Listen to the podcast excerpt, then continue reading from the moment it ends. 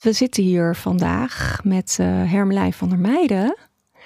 En ehm, ja, ik heb erg uitgekeken naar dit gesprek. Ook omdat het al een tijdje geleden is uh, dat ik een podcast interview heb uh, gedaan in de studio. maar ook omdat we het over, over jouw boek gaan hebben. Ja. En dat boek is hard op weg om ja, de hit te worden van 2022. Ja. Dus um, ja, misschien kan je iets over jezelf vertellen, Hermelijn. Ik ken je natuurlijk al uh, wat langer. Maar voor iedereen die jou nog niet kent, ja. kan me bijna niet voorstellen.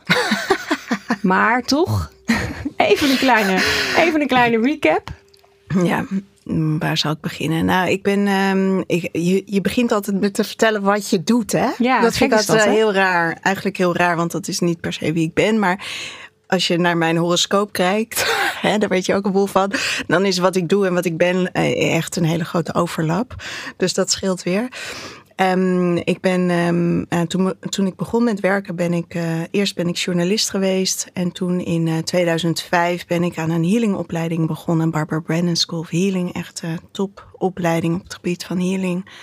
En, um, en daarna werd mijn dochter geboren. En toen heb ik even een tijdje niks gedaan. En toen um, ja, ben ik weer boeken gaan schrijven. Ja. En dus ik ben eigenlijk en schrijver en healer. En nou ja, ik doe nog heel veel andere dingen, zoals volle maanceremonies, dat soort dingen.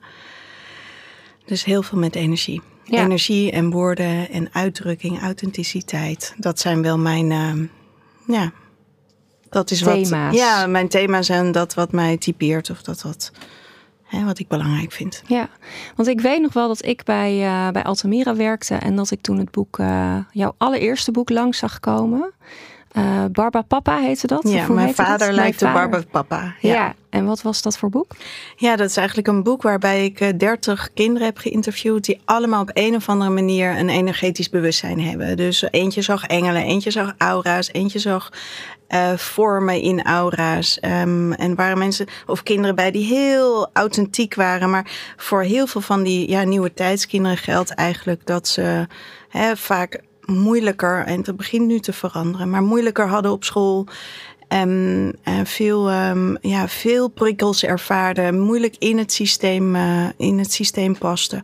Dus ik heb de kinderen geïnterviewd over hun belevingswereld en de ouders over hoe ze ermee omgingen. Ja, dus authenticiteit speelde toen eigenlijk ook al ja. een, een rol. En ik was toen zwanger van mijn dochter tegelijkertijd. Dus het was een hele mooie, hè, een hele mooie voorbereiding eigenlijk op mijn eigen kind. Van hoe ga je om met zo'n hooggevoelig kind? Want ja, dat ze dat was, dat kon, kon ik natuurlijk aan mijn water aanvoelen.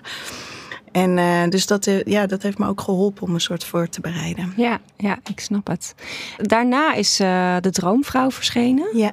En dat ging eigenlijk meer, of dat was eigenlijk het begin een beetje van jouw persoonlijke reis. Hè? Ja. Kun je daar iets over vertellen? Ja, um, dat begon denk ik in ja, rond 2004. Um, begon die reis en dat boek heb ik geschreven in 2016. Dus daarin geef ik eigenlijk een overzicht van alles wat in, ja, in dat hele energetische bewustzijn en het ontwikkelen daarvan en het openen en het ontdekken daarvan, uh, wat me daarin ja, overkwam en wat ik uh, daarin ontdekte. Um, en mijn reis begon eigenlijk bij een uh, ontmoeting in de trein met een man die, uh, ja, die vroeg aan mij: ga je mee naar een engelencursus? En ik had toen echt geen idee. En ik vond ook eigenlijk, nou ja, nee, hij vroeg dat niet eens. Hij zei: ga je met me mee? ik ga naar een of andere cursus. Um, hij was zo knap, hij was zo leuk dat ik dacht: nou ja, weet je, waar je ook heen gaat, ik ga met je mee. Maar toen was ik nog journalist en ik, ik was helemaal niet bezig met energie of, of dat soort dingen. En toen kwam ik s'avonds laat aan ergens in een, ja, uh, bij zo'n klooster waar die cursus werd gehouden, midden in de nacht. Nou ja, uh, volledig uit de stress kwam ik van een, een of andere opdracht. En, um, en toen kwam ik daar binnen en toen was het heel sereen. En, en die man die deed dus iets met engelen waar ik nog nooit mee bezig was geweest. En hij legde zijn handen op mijn hoofd. En ik begon echt soort van helemaal te tollen. En en ik dacht, wat gebeurt me nu? Dus op dat moment ging ik echt open. En dat hele weekend heb ik alleen maar gehuild. Alleen maar gehuild. En ook, eh, ook ja, heel veel van die man gevoeld die ik zo leuk vond, waarom ik met hem meeging. voor het eerst echt gevoeld dat je hè, echt het verdriet van iemand anders kan voelen. En hoe, ja, hoe verbonden je kan zijn in de energie. Ja. En maar toen was je nog wel getrouwd met je. Nee, of toen dat was, was je daarvoor. Niet, oh, dat nee, was dat daarvoor. was daarvoor. Dat was nee, heel braaf in mijn huwelijk geweest. Nou ja, gaan we het ook allemaal nog over hebben. Nee, dat was voor, was voor mijn huwelijk, ja. Ja. Dus deze man die heeft heel veel in mij geopend, maar Ja. hij was getrouwd. Ja, Oh. Dat, dat was de bottleneck. Ja. Dat was de bottleneck. Ja. Precies. Dus dat is toen eh, niet met deze man. iets nee, het ging niet verder. Nee. Ben je toen de opleiding gaan doen bij Barbara. Brennan? Ja, toen Ja. ben ik de opleiding gaan doen. Want toen ging ik zoeken van wat is, hè, wat is nou, wat is dit wat ik heb ervaren? Nou ja, het was energie, maar toen ging ik zoeken in de bibliotheek naar boekjes. Ja, ik had geen idee, dus waar moet je überhaupt op zoeken? Hè? Boekjes over chakra's, maar ik kon niks goeds vinden eigenlijk. Ik dacht echt, ik wist niet eens in welke sectie ik moest zoeken. Ja, ik ben wel naar filosofie gegaan, dat soort dingen, maar ik vond het echt tegenvallen wat Ja. er in die tijd beschikbaar was. Hè? Nu, nu word je helemaal overvoerd. Maar in die tijd was echt heel weinig eh, beschikbaar en niet vindbaar. Nee, nee, behalve dan het boek eh, Hands of Light van eh, Ja. Barbara Brennan. Ja, ja, ja, Ja, dat, dat- was er. Dat, dat- was ook echt een, een bestseller. Ja, Dus, dat was de eh, jaren zeventig. Nou, ik weet eigenlijk niet. Volgens mij, ehm, ja, eind jaren zeventig, begin jaren tachtig misschien wel. Of, is, of ben ik nou een beetje abuis? Nee, ik denk wel en zeker wel die tijd. Ja. Maar ik weet niet precies wanneer het uitgegeven is. Jij hebt het uitgegeven toch ook nog? Ja, ja. Ik heb het, eh, nou ja, bij Altamira inderdaad eh, is het verschenen. En er zijn eh, nou heel veel herdrukken ook van gemaakt. Dus het, is, het staat wel echt bekend als een van de klassiekers. En ik, ik heb ook zelfs Barbara herself mogen interviewen. Ja, fantastisch. Ehm, en ben toen ook naar, de, naar haar school geweest Ja. in Zwitserland, volgens mij. Of, Oostenrijk. Oostenrijk Ja. ja. Ehm, dus dat was ook een hele ervaring. Dus ik heb haar ook ont, ja, mogen ontmoeten. ja. Ehm, maar het was. Ik weet dat ik daar ook inderdaad een healing heb ontvangen van een van de studenten. En dat die ook heel eh, bijzonder was. Ja. Eh, dus ik kan me iets voorstellen bij, Ja. ja. ja, bij de opleiding. ja, de opleiding was fantastisch. Dus ik ben toen gaan zoeken van wat, hè, wat kan je hiermee worden? Wat is energie? Wat, wat kan je daarmee gaan doen? Ja. Want ik wilde daar mijn beroep van maken. Nou, en toen kwam ik bij allemaal workshops dat ze zei, dat ze zei, je kan lichtwerker worden. En ik dacht, ja, lichtwerker, dat is niks voor mij. Dat vind ik stom. En toen kwam ik bij Barbara terecht en zei, ja, ja gewoon heel, eh, heel bekwaam, maar zowel helderziend als, eh, als psychologisch heel goed onderlegd. Als hè, die verbinding tussen het psychologische en het energetische, maar ook opgeleid bij de NASA. Dus ze, Ja, ze had gewoon alles in huis, waardoor ik me veilig genoeg voelde eigenlijk om me daaraan over te geven. Want ik dacht, ja, als iemand ook gewoon zo goed in zijn hoofd alles op een rijtje heeft, dan en dan ook nog zo ja, in een hele grote school had opgebouwd, hè, ja, ja. waar duizenden mensen zijn afgestudeerd. Toen ben ik daarin gegaan en dat was inderdaad een hele bijzondere school. En Barbara gaf toen nog les. Ik ben in 2009 afgestudeerd en toen eh, verdween zij ook min of meer van het toneel. Ja, ja, ging dat- langzaam maar zeker verdween ze uit beeld. Ja, want ik kan me inderdaad herinneren, volgens mij is dat interview daarna geweest. En toen gaf zij al geen les meer zelf. Nee. Eh, dus het was maar ja, heel eh, bijzonder. En toen ben je eigenlijk eh, zelf, je, of toen ben je je eigen praktijk begonnen. Ja, nadat ehm Barbara Brennan en nadat ehm, ik mijn dochter had gekregen, dus mijn dochter was vier. Toen was ik eindelijk weer een beetje op aarde geland. Ja. Want je wordt in die opleiding helemaal geshuffeld. Dus ik had wel echt ook een soort van vier jaar nodig om al die kennis en wijsheid en, en, en ja, dat wat ik geleerd had te integreren en, en te landen in mezelf. En, en dan ook met andere mensen te kunnen gaan werken. Ja. Dus toen ben ik met die praktijk eh, gestart. Ja. Ja, ja want dat ik, ja, zoals, zoals ik jou ken, je bent natuurlijk ook eh, journalist geweest. Dus je bent ook, denk ik, iemand die ehm, eh, heel erg bezig is geweest met, met het vergaren van kennis en het, de nieuwsgierigheid die je zeg maar heeft gedreven. En eh, dat heeft dus eigenlijk dan vier jaar geduurd voordat dat allemaal Ja. geland was en je er ook je, Ja. eigen, je eigen stijl in kon gaan vinden Ja. of je eigen richting. Ja. Want kan je daar iets over vertellen wat voor jou echt een soort, ja, een soort aha-moment is geweest? Waar, waar, waarin je je eigen, ehm, ja, je eigen signatuur begon te vinden? Nou, ik denk, hè, als journalist ben je heel veel bezig met de verhalen van iemand anders. Ja, Dus dat, dat viel me op een gegeven moment op. hè, dat begint je dan zo in de loop van die opleiding op te vallen. Dat je denkt, ik heb een heel bijzonder verhaal. Maar Ja. ik ben nog steeds iedereen aan het interviewen buiten me. En ehm, daar werd ik op een gegeven moment een beetje ongedurig van. Dus dat begon ik te voelen dat ik dacht, ja, maar ik heb, ik heb zelf een verhaal wat gehoord moet worden. En toen ben ik ook gaan schrijven. Dus de droomvrouw gaat ook ergens over het hè, vinden van mijn eigen stem en de authenticiteit. En, het, eh, ja, en wanneer dat echt landde. Ik weet niet of het zo'n moment was, maar dat heeft wel ja, dat schrijven daarvan, hè, dus het schrijven en het verwerken daarvan, van al die informatie en daar heldere woorden aan geven. Want, want als het gaat over energie, zijn er maar weinig mensen die ook heel goed kunnen schrijven. Hè? Die, die I know, I know. het is een dingetje. Het is, Ja. het is best moeilijk om en heel spiritueel of energetisch verfijnde hè, gevoelens om te zetten in heldere, concrete taal. Ja, Ja, ja, dat is wel wat ik doe en wat ik kan. En zowel met, met eh, schrijven als met spreken. Daar zie ik wel mijn kracht. Of daar Ja. is mijn kracht in ontstaan. Maar ja, dat kwam pas nog later. Hè? Dat, dat is pas van, misschien van deze tijd. Omdat negen geheimen wel echt...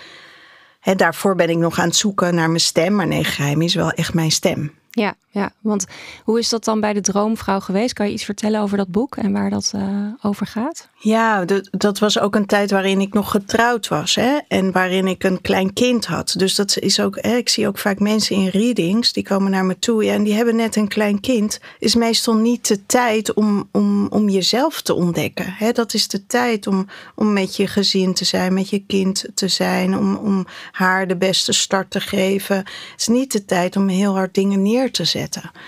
Dus die droomvrouw was voor mij echt een soort van overbrugging van een periode tussen dat wat ik was en dat wat ik toen werd. Ja, dus dat ja. gaat echt over het ontdekken van energie en het, eh, ja, het, het steeds meer dat als realiteit en waarheid gaan aannemen en niet per se dat wat we zien in de buitenwereld voor waar gaan aannemen. Ja, Gewoon echt mijn binnenwereld centraal zetten. En van daaruit opereer ik, van daaruit manifesteer ik, van daaruit beweeg ik. En, en niet meer me zo laten afleiden van ja, hoe de buitenwereld dat vindt. Want de wereld van energie is, ja, is gewoon zo anders en zo ehm, eh, onbekend bij de meeste mensen. Nou ja, ik heb daar woorden aan geprobeerd te geven. ja, vandaar ook de titel Droomvrouw. Ja, ja. Ja, voor zover er dan dromen bestaan. Hè? Want Ja. wat is een droom? Ja. ja, dus het gaat over hè, het dromen zelf, maar ook hoe je je eigen droomvrouw wordt eigenlijk. Ja, Een ja. soort eh, het ophalen. Eigenlijk gaat het over hè, het, het, het was mijn begin van het ophalen van alle authentieke en oude wijsheid en kennis en ervaring die, ja, die in de generaties en eeuwen voor ons natuurlijk al allemaal in het bewustzijn aanwezig is. Alleen soms is het eh, hoe, hoe krijg ik weer toegang tot dat bewustzijn? Want dat bewustzijn is er. Wij moeten er weer toegang toe leren krijgen. En dat Ja. gaat over onszelf openen, weer over durven geven aan het leven en de energie, dat soort dingen. En ik denk dat de droomvrouw daarover gaat. Hoe open je jezelf weer Ja, tot die andere dimensies die eigenlijk net zo waar zijn als wat we zien. Alleen altijd voor niet waar worden aangenomen. ja, precies. En toen, nou ja, eventjes kort door de bocht, toen opende je jezelf. Ehm, en, en toen gebeurde er eh, iets in je persoonlijke leven, wat heel belangrijk is Ja. geweest. Ja, dus toen, eh, nou ja, een van die openingen was bijvoorbeeld dat ik naar een darkness retreat ging. en, ik, en ik zat daar in die darkness. Darkness retreat. Ja, moet je jij- even toelichten Oh ja, oh sorry. Ja. Dat je in Ja. totale darkness Ja, je zit. zit, dus we zaten met iets van tien mensen in een boerderij die volledig was afgeplakt met van dat boerenplastic. Wat ze normaal over die, weet ik veel waar ze het overheen trekken, want ik ben een stadskind, dus ik heb geen idee. Maar over de akkers of over, de, weet ik, ik weet eigenlijk niet waar ze het voor gebruiken. Voor darkness retreats, ja. voor darkness, Ja. in mijn beleving wordt dat gebruikt voor darkness retreats. En ehm, dus die hele boerderij was helemaal hermetisch afgeplakt. En er kwam geen straaltje licht naar binnen. En we zaten daar met een man of 10, 15. negen dagen in het donker. En dan uh, ja, eigenlijk in een soort van in een baarmoeder. Of in een, ja, in een ruimte waarin je niks weet en niks kan zien. En waardoor je onder meer je zintuigen, hè, eh, in ieder geval niet je ogen, maar de rest van je zintuigen, um, ja, verfijnder informatie kunnen op gaan pakken en meer aangezet worden. Nou, maar bij mij, tenminste, dat was wat ik dacht. dat was mijn idee. Maar toen gebeurde er helemaal niks. Jij zat gewoon in het donker. Ik zat in het donker. donker. Ta da da da da. Iedereen wilde ervaringen, uh, allemaal in de baarmoeder. En ik had helemaal niks. Ik dacht, nou, daar gaan we weer. Ja. Hè, als, als die en die hier hadden gezeten, dan was er vast iets gebeurd. Maar met mij gebeurt er weer niks. Was dat, was dat, want je zegt daar gaan we weer, was dat, of ja, was dat een onzekerheid van jou? Ja, het is wel een soort onzekerheid. Ook op die Barbara Brennan zat ik ook met allemaal hele... Ik had hele helderziende vriendinnen. Weet je, iedereen zag van alles. In de, in de middeleeuwen kwamen ze terecht. En ik had helemaal niks. Ik, ik zat weer gewoon in mijn eigen pijn, in mijn eigen verdriet. weer alles te verwerken wat ik al duizend keer gevoeld had. Dat ik dacht, ja, geef mij ook eens een, hè, een beeld. Een of, beeld of een epiphany of iets. Maar nee ook niet in de Darkness Retreat. Dus toen ben ik maar een soort van intenties in dat. Hè, want ik, ging er wel van uit dat het een soort baarmoeder was. En dat je als je daar je intentie in zet. Nou, dat er dan iets uitkomt. En ik uh, dacht, ik ga in die intentie goddelijke seks uh, manifesteren. Dus dat heb ik geplant in die baarmoeder. Nou, ik kom die Darkness Retreat uit en mijn man zegt: Ik ga bij je weg. Oh, ja, dat is. be careful what you wish for. Precies, be careful what you wish for. Ja, dat, dat was echt, uh, maar echt zo snel. Ja. Echt binnen, binnen een dag of twee dagen. Ik weet niet hoe snel het ging, maar het ging echt razendsnel. Dat ik dacht, ja, daar ga ik weer. En de intentie, ik laat mij weer goddelijke seks beleven. Ja. Uh, dat was dus wel de intentie om dat samen met je man te gaan beleven. Ja, ik, ik, dacht van dat gaan we samen doen. Ja, ik had helemaal geen, uh, ik had helemaal geen verlangen naar iets buiten hem. Of uh, ik dacht alleen, nou, dat moeten, we, dat moeten we een beetje opschudden of zo. Ja, want de goddelijke seks was min of meer een beetje verdwenen. Het was een beetje... was een beetje, ja, verdwenen. Eigenlijk na de geboorte van mijn dochter oh, is ja. dat wel... Ja. ja, dat was wel om dat weer Hè, om dat weer terug te krijgen. Dat natuurlijk bij heel veel relaties. Ja, en dat gebeurt bij heel veel relaties. Um, maar ik wilde, ja, ik wilde dat gewoon weer ervaren. En, en hij was ook wel iemand met wie ik dat dacht te kunnen. Omdat hij ook gewoon wel, hij heeft ook een, gewoon een groot bewustzijn. Heel gevoelig, heel sensitief. Maar blijkbaar in onze match gebeurde dat niet. Nee, en toen zei hij, ik ga bij je weg. Nou, hij zei het niet zo plomp verloren. Maar daar kwam het wel op neer. Ja, ja, er zit natuurlijk nog wel een soort van een paar maanden tussen. Tussen dat je bedenkt, ik ga bij je weg en ik ga echt bij je weg. En wat was zijn um, uh, motivatie? Of wat was zijn, uh, wat, wat, wat zei hij daarover? Um, nou, dat de verbinding weg was. En, um, ja, en, dat, en dat was ook, denk ik, zo. Of tenminste, kijk, wij hadden een goede relatie en we hadden ook een goed huwelijk. Maar het was misschien 80 procent. Ja. En 20 procent daarin ja, waren we elkaar kwijt. Maar hij gaat voor de 100 procent en ik ook. Ja. dus uiteindelijk, normale mensen, of nou ja, normale mensen, andere mensen zouden bij deze situatie niet uit elkaar gaan. dit ging echt ook over, denk ik, van wat zijn ziel wenste. Van echt nog ja, um, beter kunnen staan voor zichzelf. En uiteindelijk denk ik, dat is mijn, mijn hè, achteraf gezien, denk ik, ja, is eigenlijk mijn ziel die tegen hem zei, we, we moeten stoppen. Ja, precies. Zodat jij ook deze, deze reis kon gaan maken. Ja, zodat ik die reis kon gaan maken en dat ook deed. Want ik zou niet zo snel uit mezelf iemand in de steek laten. Ja, ja precies. ik zou niet zeggen, ik ga bij jou weg. Dat is denk ik ook wel heel erg een loyaliteitsding. Wat, wat vrouwen ja. veel hebben. Ja. En um, dus in, in zekere zin zou je misschien achteraf ook kunnen zeggen dat hij jou heeft vrijgelaten. Ja, zeker. Ja, zeker.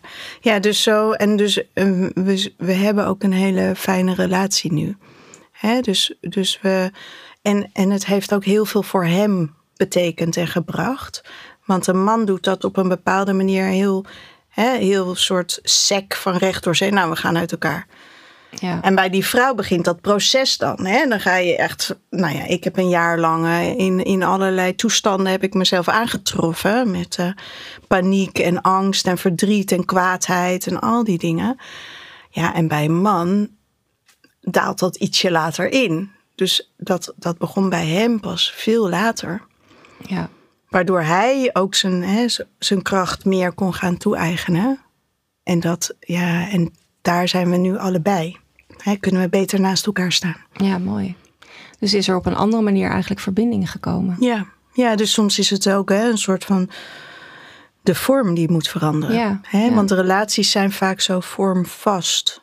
En je, in, in van alles wat je, en dat schrijf ik ook in negen geheimen, van alles wat je, wat je zelf bent en wat je, waar je blij van wordt en wat je, wat je zou willen ervaren, ja, dan moet je een beetje onder het tapijt schuiven, omdat anders die man in de stress raakt of andersom. Ja. ja. Ja, die, die wil dat niet. Nee, nee. Of jij wil het niet, weet je wel. Dat eh, denk je, ja, hoezo moet je met iemand anders zoenen? Weet je, waar slaat het op? Maar, maar als hij dat nou wil ervaren, hoe erg is het eigenlijk? Hè? Als we ietsje milder zouden zijn en ietsje, ietsje flexibeler zouden kunnen zijn. En als je daar dan nu op terugkijkt, denk je dan dat het goed is geweest om uit elkaar te gaan, ook zodat jij dat kon gaan verkennen in jezelf? Ja, ja zeker. Ja, zeker. Want wij hebben ook aan het einde van ons, of tenminste op dat punt, hebben we ook een horoscoop laten maken van ons samen. Om te kijken van gaan we door of gaan we, of gaan we uit elkaar? Ja. En dat was eigenlijk heel mooi. Want ik, ik dacht alleen maar, ik wil dit niet, ik wil dit niet. Nee, nee, nee, nee, nee. Ik ga dat niet doen, ik wil dit niet. Maar ondertussen wist ik wel vanuit mijn bewustzijn van ja, we gaan dit wel doen. Hè? Dat is een optie. Ik, ik probeerde mezelf daar wel doorheen te bewegen. Maar die nee was echt ook, ja, komt ook uit mijn jeugd. Hè? Mijn, mijn vader die vertrokken is. En mijn kind dat ook net vijf was. En ik ook toen. Ja, Ja. er komt zoveel oud zeer omhoog. Maar we hebben die horoscoop gedaan. En toen, eh, ja, dat was eigenlijk een soort van eh, bevestiging van dat het goed was om uit elkaar te gaan. Ja. En toen ja. kon ik het ook makkelijker loslaten. Ja.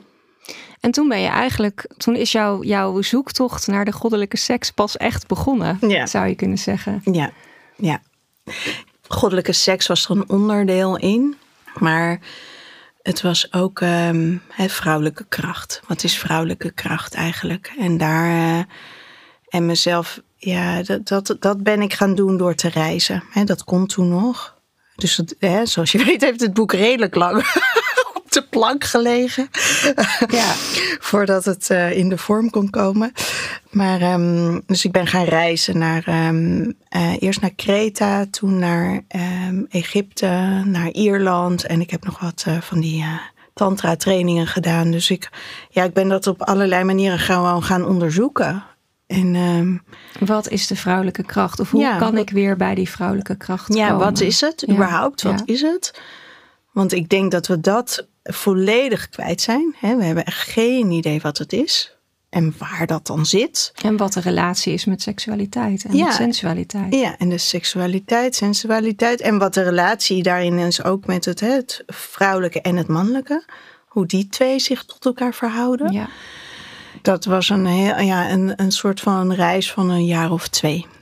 ja. Ja, En ja, want je hebt daar eigenlijk, nou ja, negen geheimen uit gedestilleerd. Ja. Eh, dan zijn we natuurlijk allemaal heel benieuwd. eh, Ja. Wat zijn die negen geheimen? Nou, daarvoor moet je natuurlijk het boek lezen. Ja. Maar kan je iets vertellen over de, de, de, de grootste, het grootste inzicht wat je ehm, na die reis eigenlijk hebt opgedaan? ja. Nou, een, een van de belangrijkste dingen is denk ik, of dingen, dat klinkt een beetje stom. Kijk, als het over spiritualiteit gaat en bewustzijnsontwikkeling, dan hebben we het heel lang, eeuwenlang gehad over de kruin. En, en hè, de overtuigingen daarop. En verbinden met het licht en het goddelijke. En, met naar het, boven, naar en naar boven. boven. Ja, Naar boven. Vooral naar boven.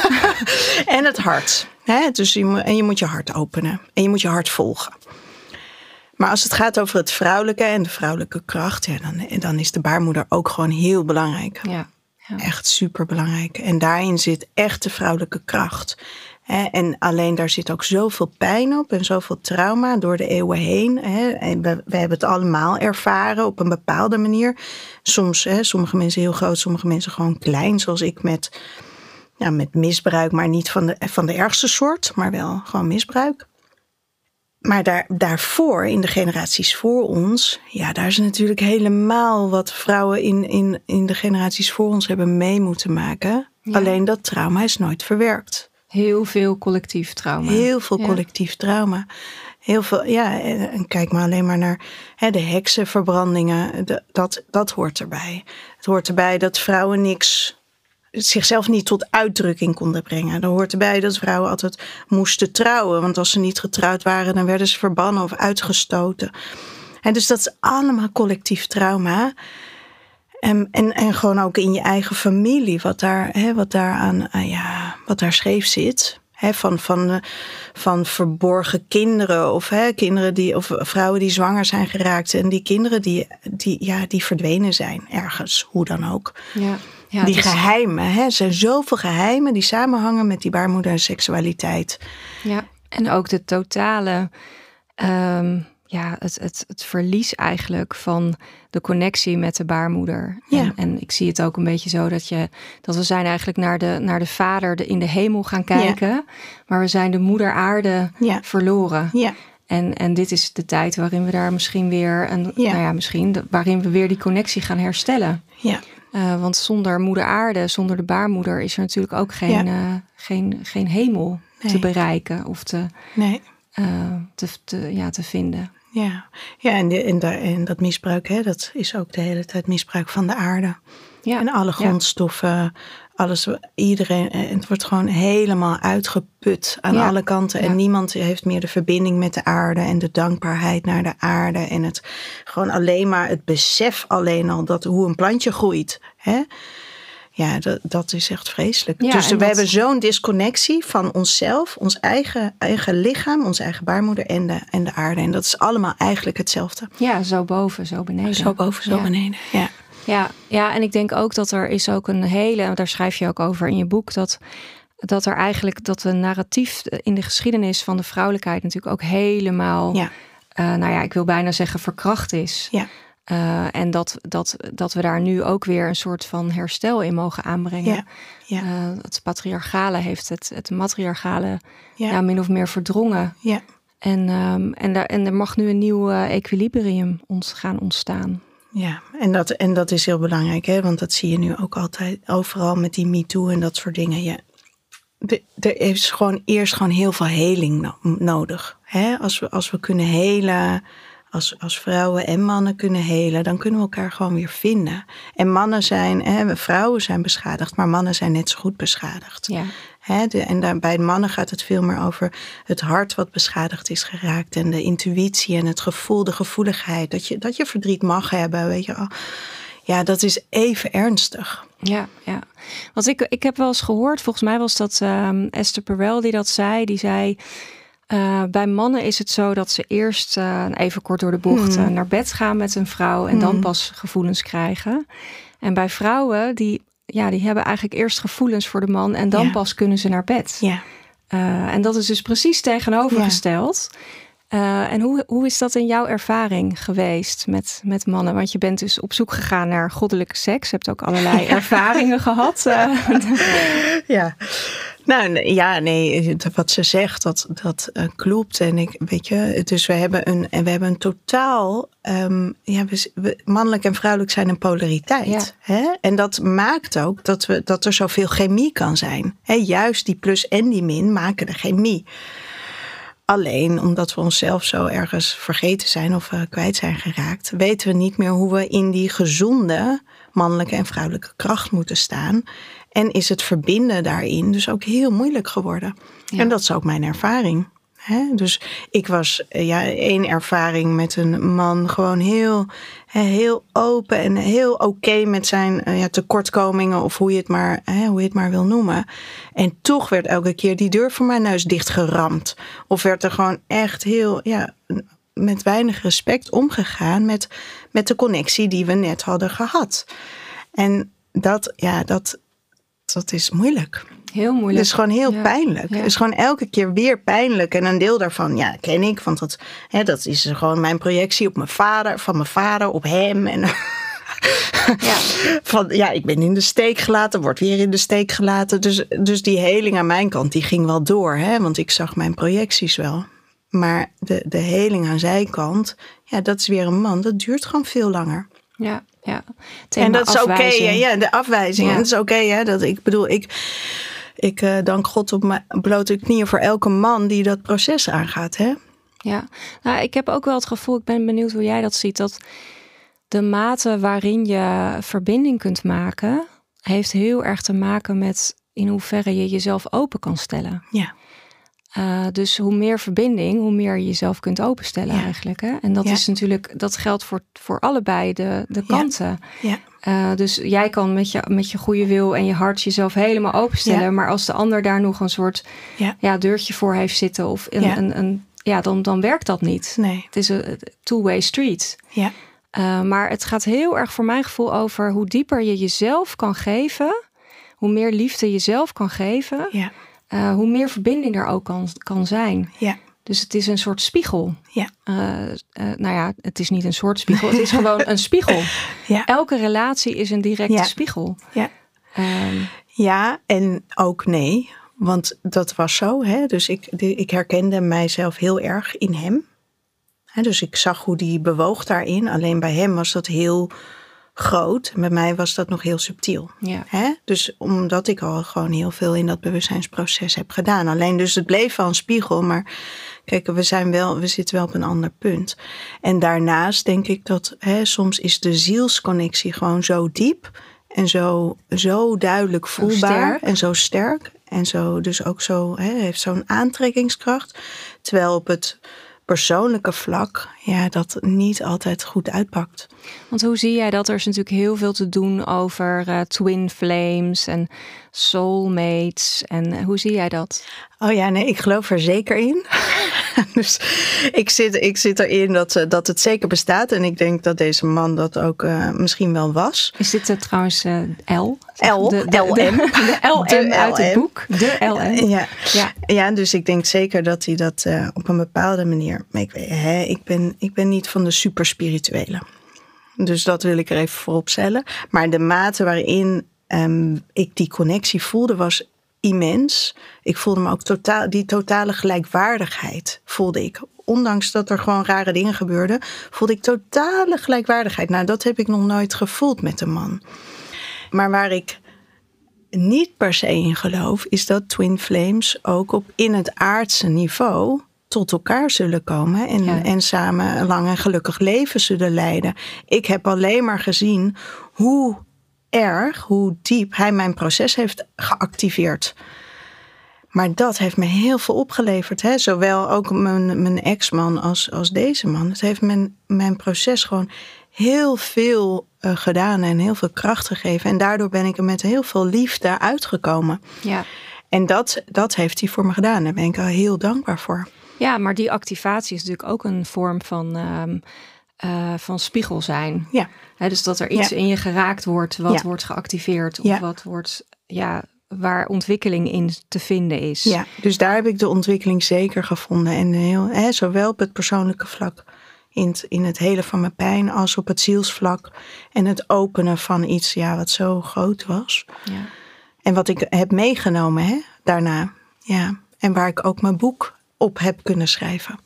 Die vrouwelijke kracht uiteindelijk. Ja, die, die, die immense kracht. Die ja. heb je gevonden. Ja, die heb ik wel gevonden. En, dat, en dat is wel een stap voor stap proces. Dat gaat niet, uh, is niet overnight.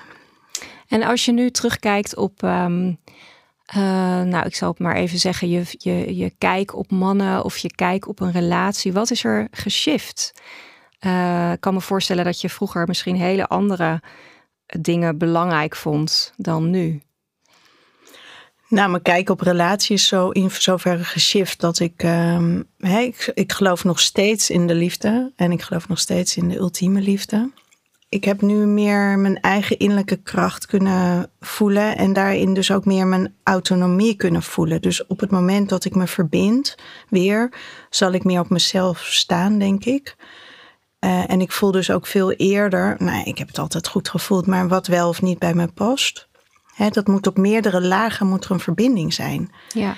En dat gebeurt met heel veel mensen niet. Nee, maar ik denk dat het ook wel heel kernachtig is wat je zegt. Hè? Van je, je, je bent autonomer geworden. Ja. Uh, waardoor um, dingen als afhankelijkheid, uh, uh, ja, patronen, weet je, dat soort dingen, dat, dat speelt dan niet meer. Nee, niet op die manier. manier. Nee. nee. niet op die manier. Dus ik denk dat ik daar naar mezelf toe veel relaxter in toe ben geworden, maar ook naar de ander toe.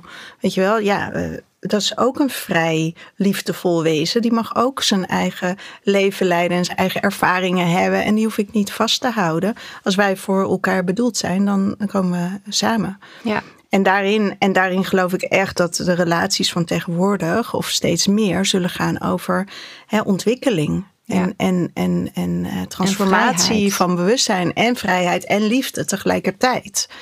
Dat is het mannelijke en het vrouwelijke principe. Dat die naast elkaar kunnen bestaan. En dat ze niet het een of het ander moet worden opgeofferd.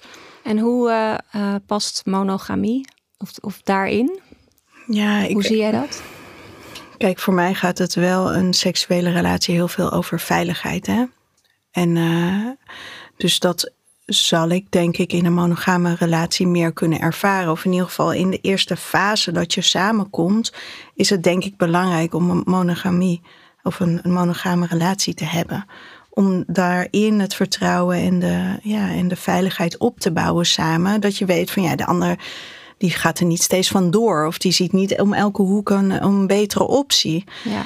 Maar ik kan me voorstellen dat je na verloop van tijd daar wel meer ruimte in. En dat zie je nu mensen ook veel doen. Hè? Er zijn meer de ruimte aan het zoeken. Ja, ja. En toch denk ik dat je uiteindelijk terugkomt bij de monogamie. Maar dat weet Ja. ik niet. Hè? Dat heb ik zelf niet kunnen Nou ja, ik- ervaren ik, nog. Ik, ik heb dat, dat gevoel heb ik wel. Dat uiteindelijk het dus heel erg gaat over verdieping. En dat je die verdieping alleen maar kunt vinden als je bereid bent om met elkaar, met één persoon, Ja. ehm, ja, die reis aan te gaan. Ja. En als je daar meerdere mensen bij betrekt, dat is natuurlijk kan best gezellig zijn. Ja.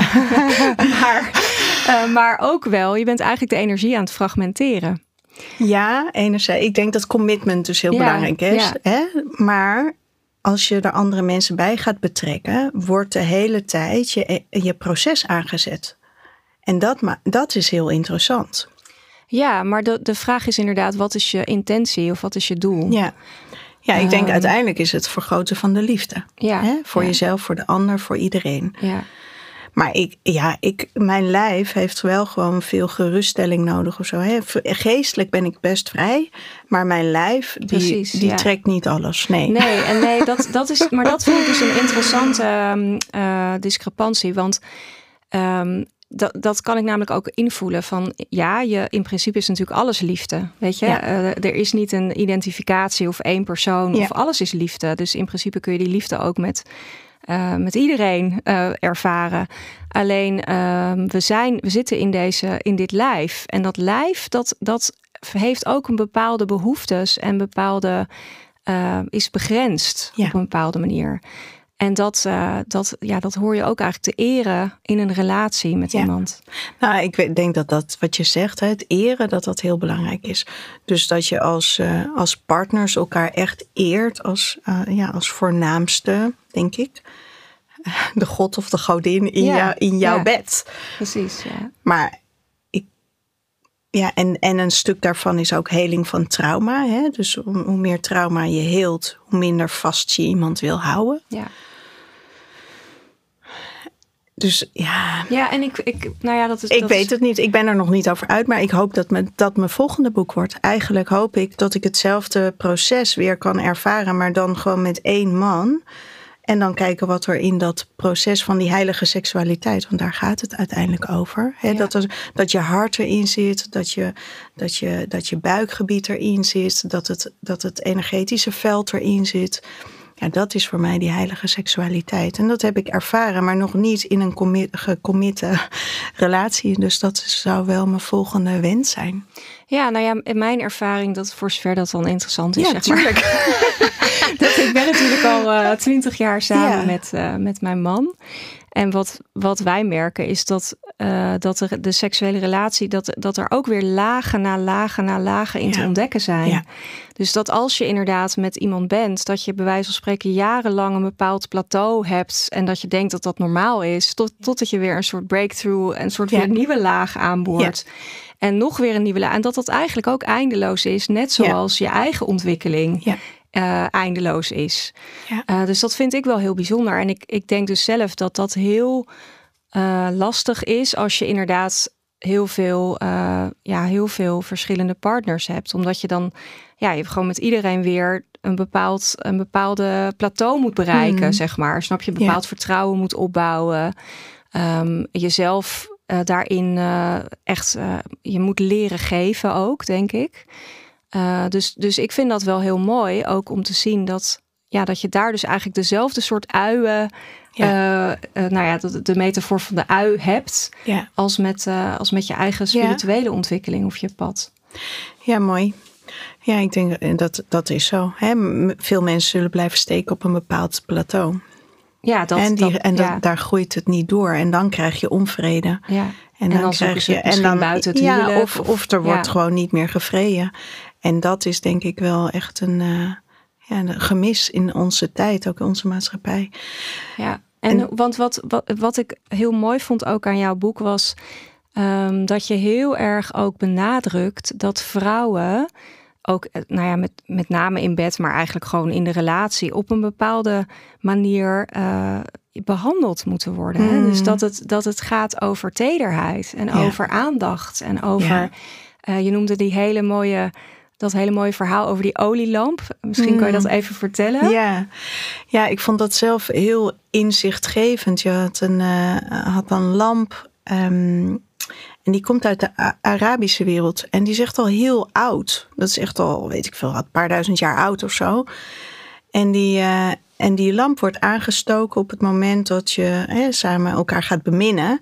En zolang die lamp aan is, is de man bezig om de vrouw te beminnen. Ja.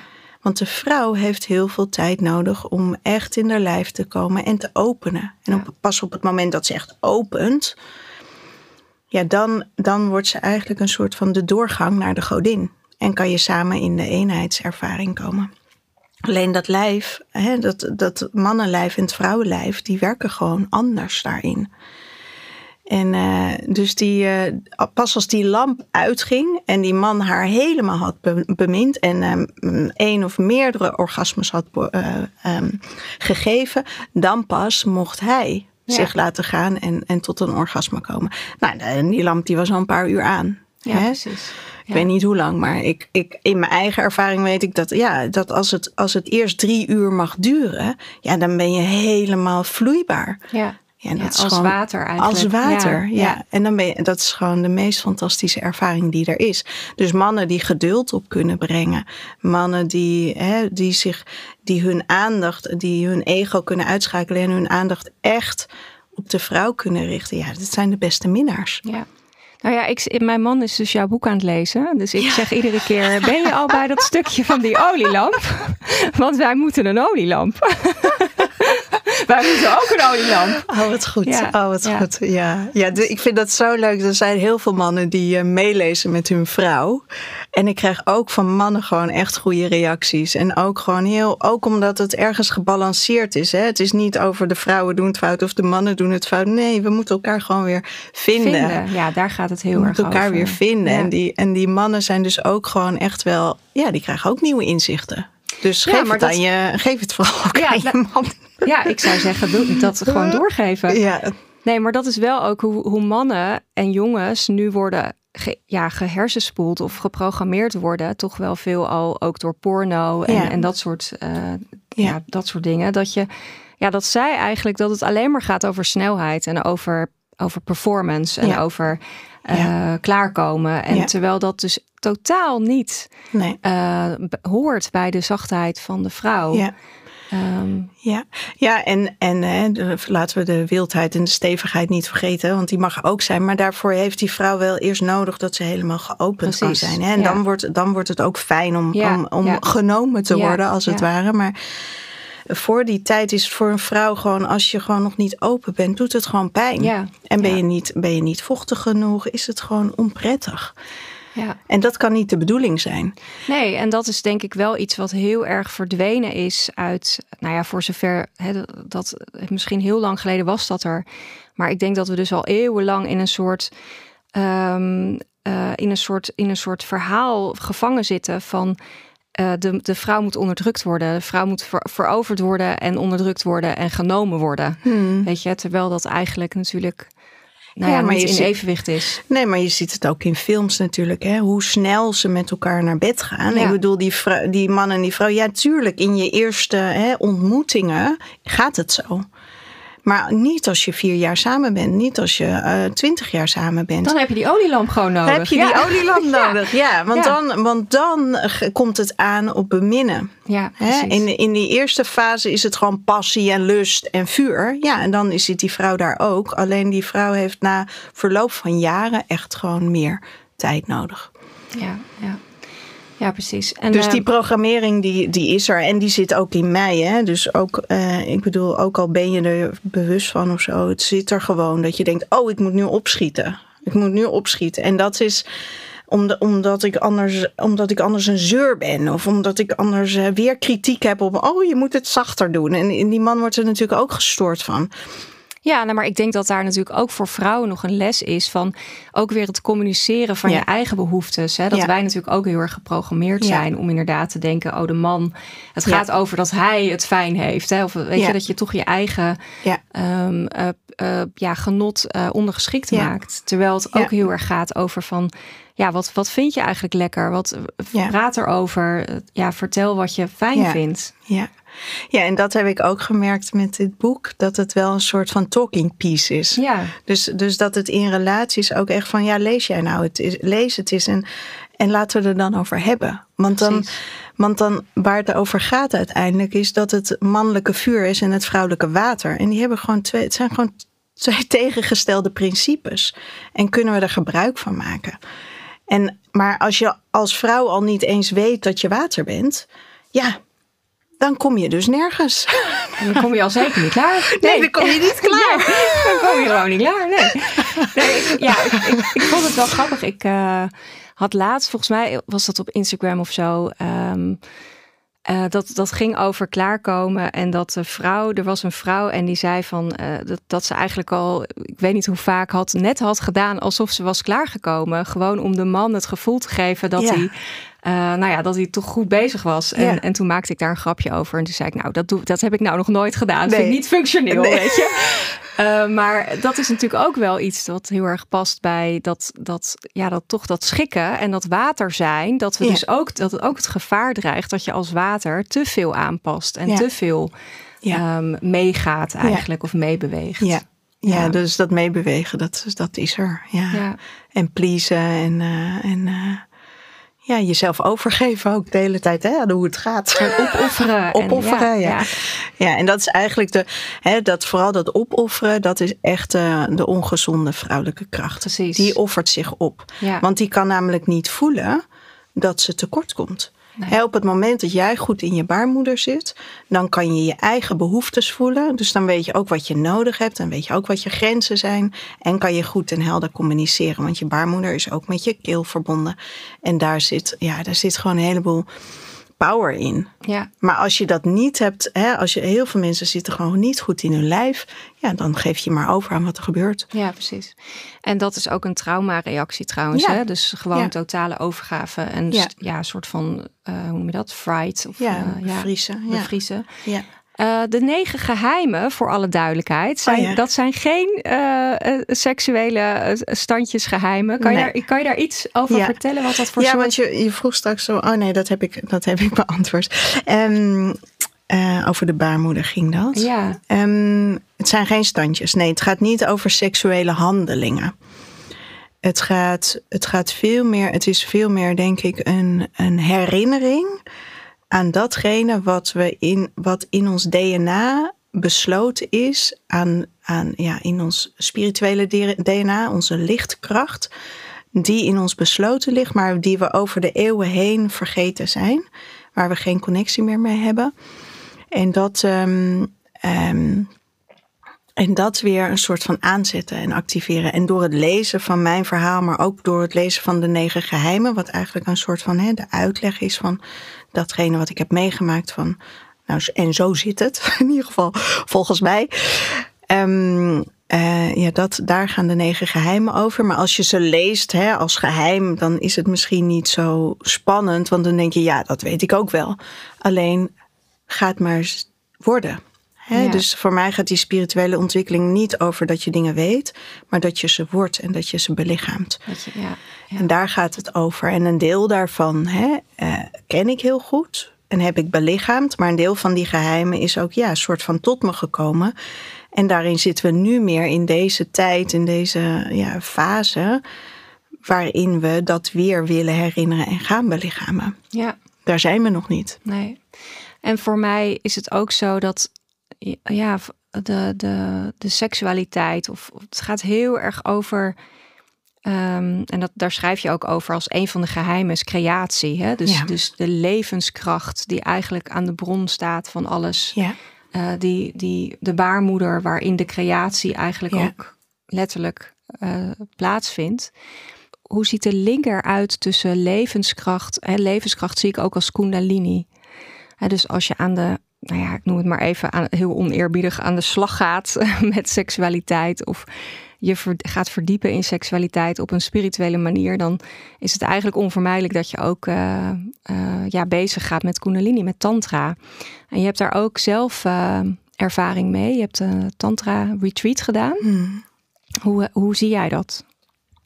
Voor mij ging het echt over een soort van activeren van een kracht die vanuit mijn buik omhoog ging. En vaak en vooral tijdens de seksualiteit kon me dat overvallen. Dan, dan kwam dat door me heen en begon ik echt ook te schokken en, te, en heel hard te huilen soms. En die man mij maar aankijkt van wat gebeurt er met haar? Heb ik dat gedaan? Heb ik dat? ja. um, dus dat is, een, ja, dat is eigenlijk de, de vrouwelijke kracht die van onder naar boven gaat. En, en je hebt ook natuurlijk de mannelijke kracht die meer van boven naar beneden gaat. Hè? Dat, dat kennen we beter eigenlijk. Maar die kracht van onder naar boven, die breekt je als het ware open. Die zet ook je proces in beweging. Die, die maakt dat het trauma wat daaronder, vooral in dat bekkengebied is opgeslagen, vrij wordt gemaakt. Dus het is de bevrijdende stroom. Ja. En daarmee uh, als ik, doordat ik dat allemaal heb ervaren, voel ik me nu veel vrijer. En, en, en heb ik, ben ik onder meer in staat geweest om het boek te schrijven. Hè? Het, het, maar waar dat dan vandaan komt, zo'n boek. Ja, dat is toch ergens die verbinding tussen die, die opwaartse stroom en de bevrijding en hoe ik daarover kan praten. En dan die, ja, die, die mannelijke stroom, die manifesterende stroom, die, die elkaar ontmoeten. Ja. Mooi. Ja, en dan tot een creatie komen. Ja. En de, nou ja, afgezien van dat mensen natuurlijk je boek moeten lezen, mm. heb je ook nog een, uh, een soort, uh, nou noem het maar even, tip. Een tip voor in bed. Een tip, tip om, uh, een tip voor in bed. Om, om je seksleven met je huidige partner misschien um, dieper te gaan ervaren. Of um, ja, het belangrijkste allemaal een olielamp kopen. Ja, ja, het belangrijkste is gewoon vertragen. Hè? Omdat het allemaal, kijk, de manier waarop wij seks hebben, dat moet een soort van binnen 10 minuten wel klaargespeeld zijn. Ik had een keer een cliënt die zei: Ja, ik heb. Uh, het duurt zo lang voordat ik een orgasme krijg. En toen zei ik, hoe lang dan? Zei nou 20 minuten. Toen dacht ik, nee, 20 minuten, nee, nee, nee, dat is echt heel snel. Vond ik heel snel. Um, het kan heel snel, het kan binnen een paar minuten. Maar door het te vertragen en ook af en toe stil te leggen, hè, op het moment dat ik me uit contact voel gaan, dan zeg ik: Oh, kan je even wachten? Hè, want ik, ik hou het niet bij, het gaat te snel voor mij. Mijn lichaam kan nu niet nog verder openen. Dus kan je hè, gewoon, en, en daar, het belangrijke daarin is dat je het zonder lading communiceert, zodat die man zich niet afgewezen voelt maar snapt van, oh oké, we moeten gewoon even ietsje langzamer gaan. Alleen je moet wel weten dat dat zo is. Hè? En, en het stilleggen. Want dan krijg je namelijk ook een andere en diepere ervaring van die dingen die op de achtergrond gebeuren. Want je in dat vuur, ja, daar kan je heel veel opwinding en lust en dat soort dingen ervaren. Maar in het ja, vertragen en het even stilleggen kan je ook juist weer heel veel sensaties in je lichaam ervaren die, waar je anders aan voorbij reest. Het is een soort verfijning en een soort van opening van je cellen en een dans. En eh, ja, het is gewoon veel subtieler. Ja, en misschien dat je daarin ook in die, in die, in die onderstroom ook uh, dieper bij het gevoel komt. Hè? Van de liefde, zeg maar. Dat je kan natuurlijk uh, heel veel passie voelen ja. uh, voor iemand in, het, in the heat of the moment. Maar dat, er is natuurlijk ook een soort onderstroom waarbij, waarbij je dan meer in het gevoel ervaart van, van, wat je hebt voor iemand of het hart kan openen. Ja, en wat ik zelf ook heel fijn vind is van hè, als een man naar mij vraagt en wat voel je nu? Ja. Kijk, dat is fijn als. Uh, en, en ik ook. Even een klein evaluatiemoment. Ja, nee, maar het is ook. Het, het helpt ook weer voor de, ook weer voor de ja, verbinding. Van hoe, wat voel je nu? Wat, gaat er door, wat, wat gebeurt er in jouw lijf? En dan vroeg ik dat ook aan hem natuurlijk. Van wat gebeurt er nu bij jou? En daarin, ja, dan worden er gewoon mooie dingen gezegd over de ander. Ja. En dat helpt natuurlijk bij de liefde. Als je liefde aan het maken bent, is het fijn als de ander als je elke keer weer even verbindt met de ander. Omdat je daar zo um, ja, iets uithaalt wat je niet weet als je allebei zwijgzaam bent. Ja, en ik vind het ook wel mooi wat, wat je zegt. Je bent eigenlijk liefde aan het maken. Je bent ja. liefde aan het bedrijven. Je bent liefde aan het creëren. En dat doe je natuurlijk niet, niet door snel, snel, snel. Nee. Hop, hop, hop. Nee, uh, het is maar, echt kwaliteit. Hè? Ja. Dit gaat niet over kwantiteit en snelheid. Onze wereld gaat daarover. Ja. Maar dit gaat over, ja, over, over kwaliteit, intimiteit, verdieping. Sensualiteit. Sensualiteit die anders misschien veel minder. Hè? Ik, ik heb mezelf echt daarin kunnen ervaren als vrouw en hoe, hoe sensueel ik kan zijn. Maar ik weet ook hoe ik, als ik dat niet heb, hoe ik kan soort van uit kan drogen en kan hè, gefrustreerd kan raken of minder. Ja, gewoon minder aardig wordt. Ja, want hoe zie jij de, hoe zie jij de relatie tussen zelfliefde en um, seksualiteit? Want ik, ik merk bijvoorbeeld ook wel in mijn omgeving dat er heel veel vrouwen zijn die toch onzeker zijn over hun lichaam of niet. Ja, het eigenlijk dan ook niet, uh, ja, die het eng vinden hmm. om, om echt bijvoorbeeld met het licht aan of zo hmm. uh, dan seks te hebben. Of, ja. Dus er is voor mijn gevoel ook wel echt een relatie met zelfliefde. In hoeverre kun je jezelf ook ja. Uh, beminnen ja. en lief zijn voor jezelf. Ja. Uh, voordat je jezelf kan geven aan de ander. Ja. Ja, dus dat is heel belangrijk. Hè? Zelfbeminning is al echt ook een hele belangrijke stap. Omdat je dan gewoon je alleen al het hand, de hand op je buik gaan leggen en voelen hoe het daar voelt, helpt je al om meer contact met jezelf te krijgen. En ook te voelen wat een mooie en, en ja, liefdevolle sensaties er ook in jouw lichaam zitten. Hè? Op het moment dat je jezelf beter kan voelen, dan krijg je ook minder een oordeel op het plaatje wat je ziet. Aan de andere kant ervaar ik ook dat als je net hele lekkere seks hebt gehad, ja, dan voel je jezelf mooi en dan straal je en dan heb je een, gewoon echt, ja, dan heb je, ja, weet je, de ene dag kan ik voor de spiegel staan, denk ik, oh, wat heb ik een dikke buik. En de volgende dag heb ik lekkere seks gehad en denk ik, wat ben ik prachtig, weet je. Dus het houdt je, houdt je ook wel een beetje uit je als je daardoor geen seks gaat hebben, houdt het ook je wel weg van de ervaring dat je er zo mooi uit kan zien. Ja, ja maar het is natuurlijk ook gewoon goed voor je gezondheid. Ja, weet ja, je? En, ja het en heeft alleen maar plus, uh, plussen. Het, is alleen maar, het heeft alleen maar plussen, ja. ja. ja. Zonder dat je dan natuurlijk in een soort van uh, weer de balans laat overslaan naar, naar, de, kwant, naar de kwantiteit. Hè? Maar ja, ja, mooi. Ja, en ik denk dat kwantiteit wel goed is, hè? ik denk dat kwantiteit heel goed is. Maar niet iedereen is in de gelegenheid, hè? Als je single bent of als je, als je kleine kinderen hebt, of weet je, dan, ja, dan is het misschien niet helemaal. Is er ergens een grens? Weet je, dat je. Dus ik, ik hoorde wel eens van iemand en die zei, nou, iedere dag. Ja. En, uh, Lijkt me heerlijk. Ja, ja, ik zou dat wel willen. Ja, ik zou dat wel willen. Gewoon als, uh, ook als, uh, hey, je kan elke dag gaan mediteren, maar ik zou liever elke dag uh, bewuste seks hebben. Of verbonden, en niet bewust, het klinkt zo spiritueel. Ik bedoel, verbonden ik hou, seks. Verbonden, ja. ja. Vind ik ook wel, dat vind ik ook wel een ja. mooie titel trouwens. Ja, voor verbonden je, seks. Je volgende boek, Verbonden seks. Verbonden seks. ja. ja. Ja, verbonden seks. Ja, maar dat klinkt nog een beetje braaf. Ja, oké. Voor dat mij is- mag het ietsje wilder. Ja, dan, dat, ja, dat dat dan de hoofdtitel is, verbonden seks. En dan met een hele wilde ja, ja, ja, ja. Ja, maar die moeten we dan nog even opbroeden. Daar moeten we nog even op Ja, laat jezelf gaan. Ja, Ja. laat je zo gaan. Ja, Ja. Nee, Ja. maar dat, dat het dus nooit te veel kan zijn. Want ja, ehm, ik denk wel dat als je het niet bewust doet. eh, en je, en je, dat is een hele fijne lijn Ja. tussen, tussen eh, bewuste seks en onbewuste seks. Want dan ben je eigenlijk je levenskracht aan het verspillen. Ja.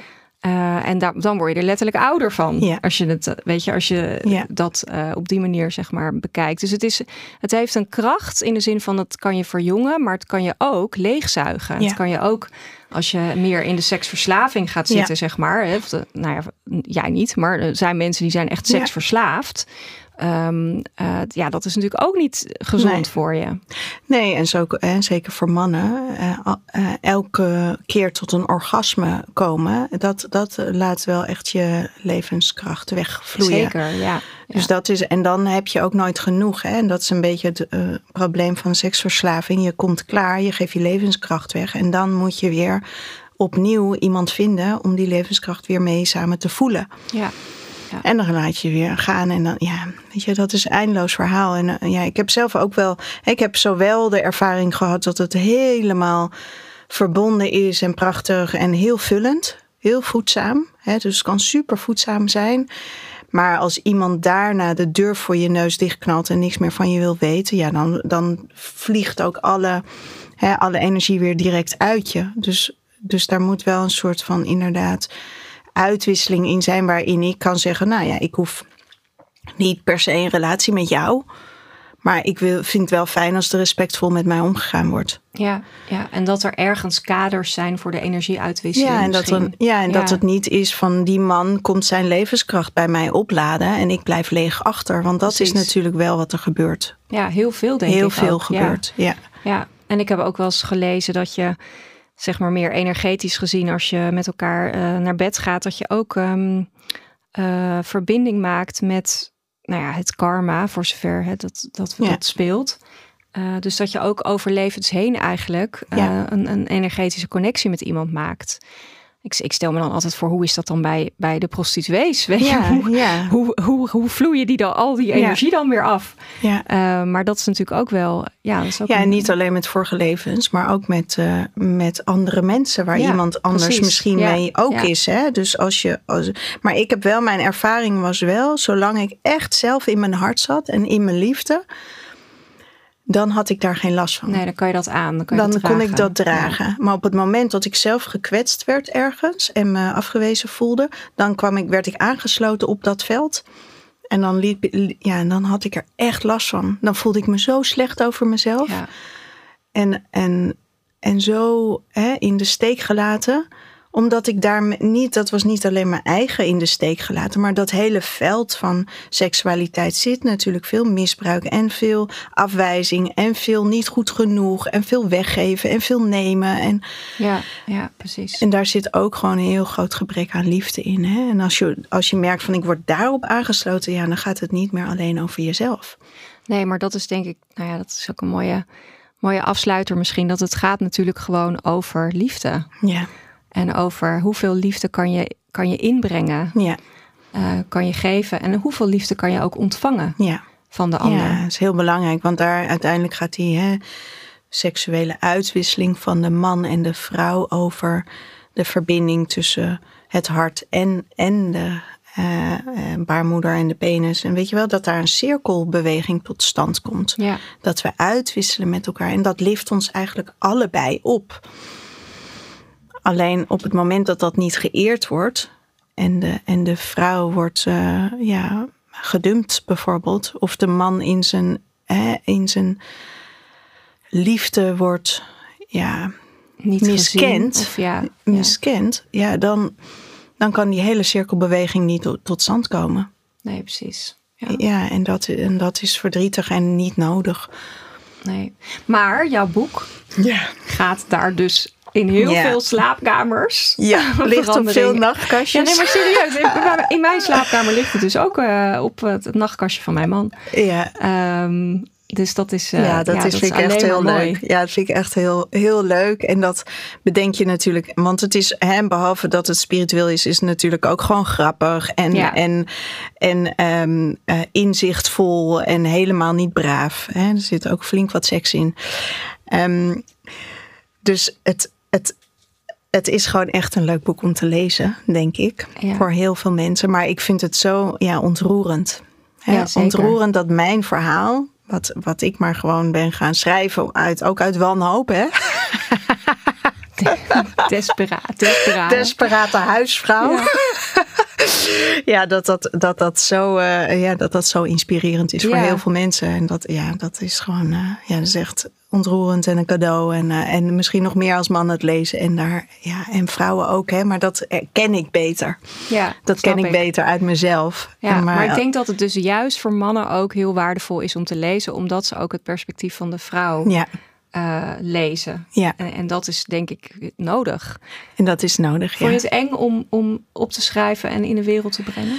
Nou, ik vond het. Um, Spannend? Ja, ik vond dat we. Nou, weet je, het opschrijven vind ik heel leuk. Dat past bij mij. Hè? Ik, gewoon die hele, hele expliciete uh, scènes die ik heb opgeschreven. Ja, dat vind ik gewoon heel leuk om te schrijven. Dat kan, je kan mij niet blijer krijgen.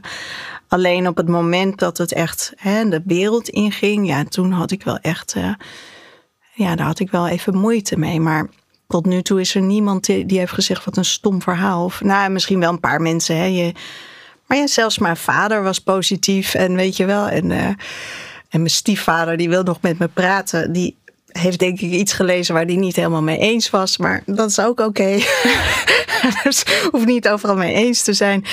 En mijn moeder had het nog niet gelezen. Weet je, dat vind ik eigenlijk. En, en um, mijn ex-man volgens mij ook niet. Die andere man over wie ik veel heb geschreven wel. Maar die zei er niet zoveel over. Kijk, dat zijn de mensen die ik echt belangrijk vind. En waar ik het moeilijk van vind. Als ik iets terugkrijg wat, uh, ja, wat, niet, wat, wat mij raakt. Ja. Maar de rest denk ik, ja, weet je, dat ik heb dit alweer zo lang geleden ergens geschreven, dat ben ik al niet meer. Of dat is maar een verhaal. en, uh, kan je dat in perspectief En, en, en de, met de droomvrouw had ik dat natuurlijk ook al. Ik, heb, ik ben er wel aan gewend. Ik, je raakt er wel een beetje aan gewend als schrijver om jezelf uh, te exposen. In ieder geval in mijn schrijfstijl. Om jezelf uh, te laten zien en dan maar te zien wat er van komt. Ja, en tot nu toe valt het mee. Ja, het, ja, het, valt meer dan mee. Ik denk dat de positieve reacties. Uh, ja. ja, dat die dat, die heel, dat er heel veel positieve reacties zijn. Ja, ja. Ja, nou dankjewel voor uh, het schrijven van je boek. Ja. En voor dit gesprek. Ja, dankjewel voor het uh, uitgeven. Ja. ja, want dat is, uh, dat is ook nog niet zo makkelijk om je boek de wereld in te brengen. Met die honderden boeken die er per week verschijnen. Ja, 400 of zo hè. Dat ja. is echt bizar veel. Ja. ja. Ja. dus dank ook. Ja, graag gedaan. Ja. En nou, aan alle luisteraars, het boek is uiteraard te bestellen in de webshop uh, www.aurora-webshop.com. En um, ik uh, zou zeggen nog een hele fijne ochtend, middag, avond, waar je nu ook bent op dit moment. En graag tot een volgende keer.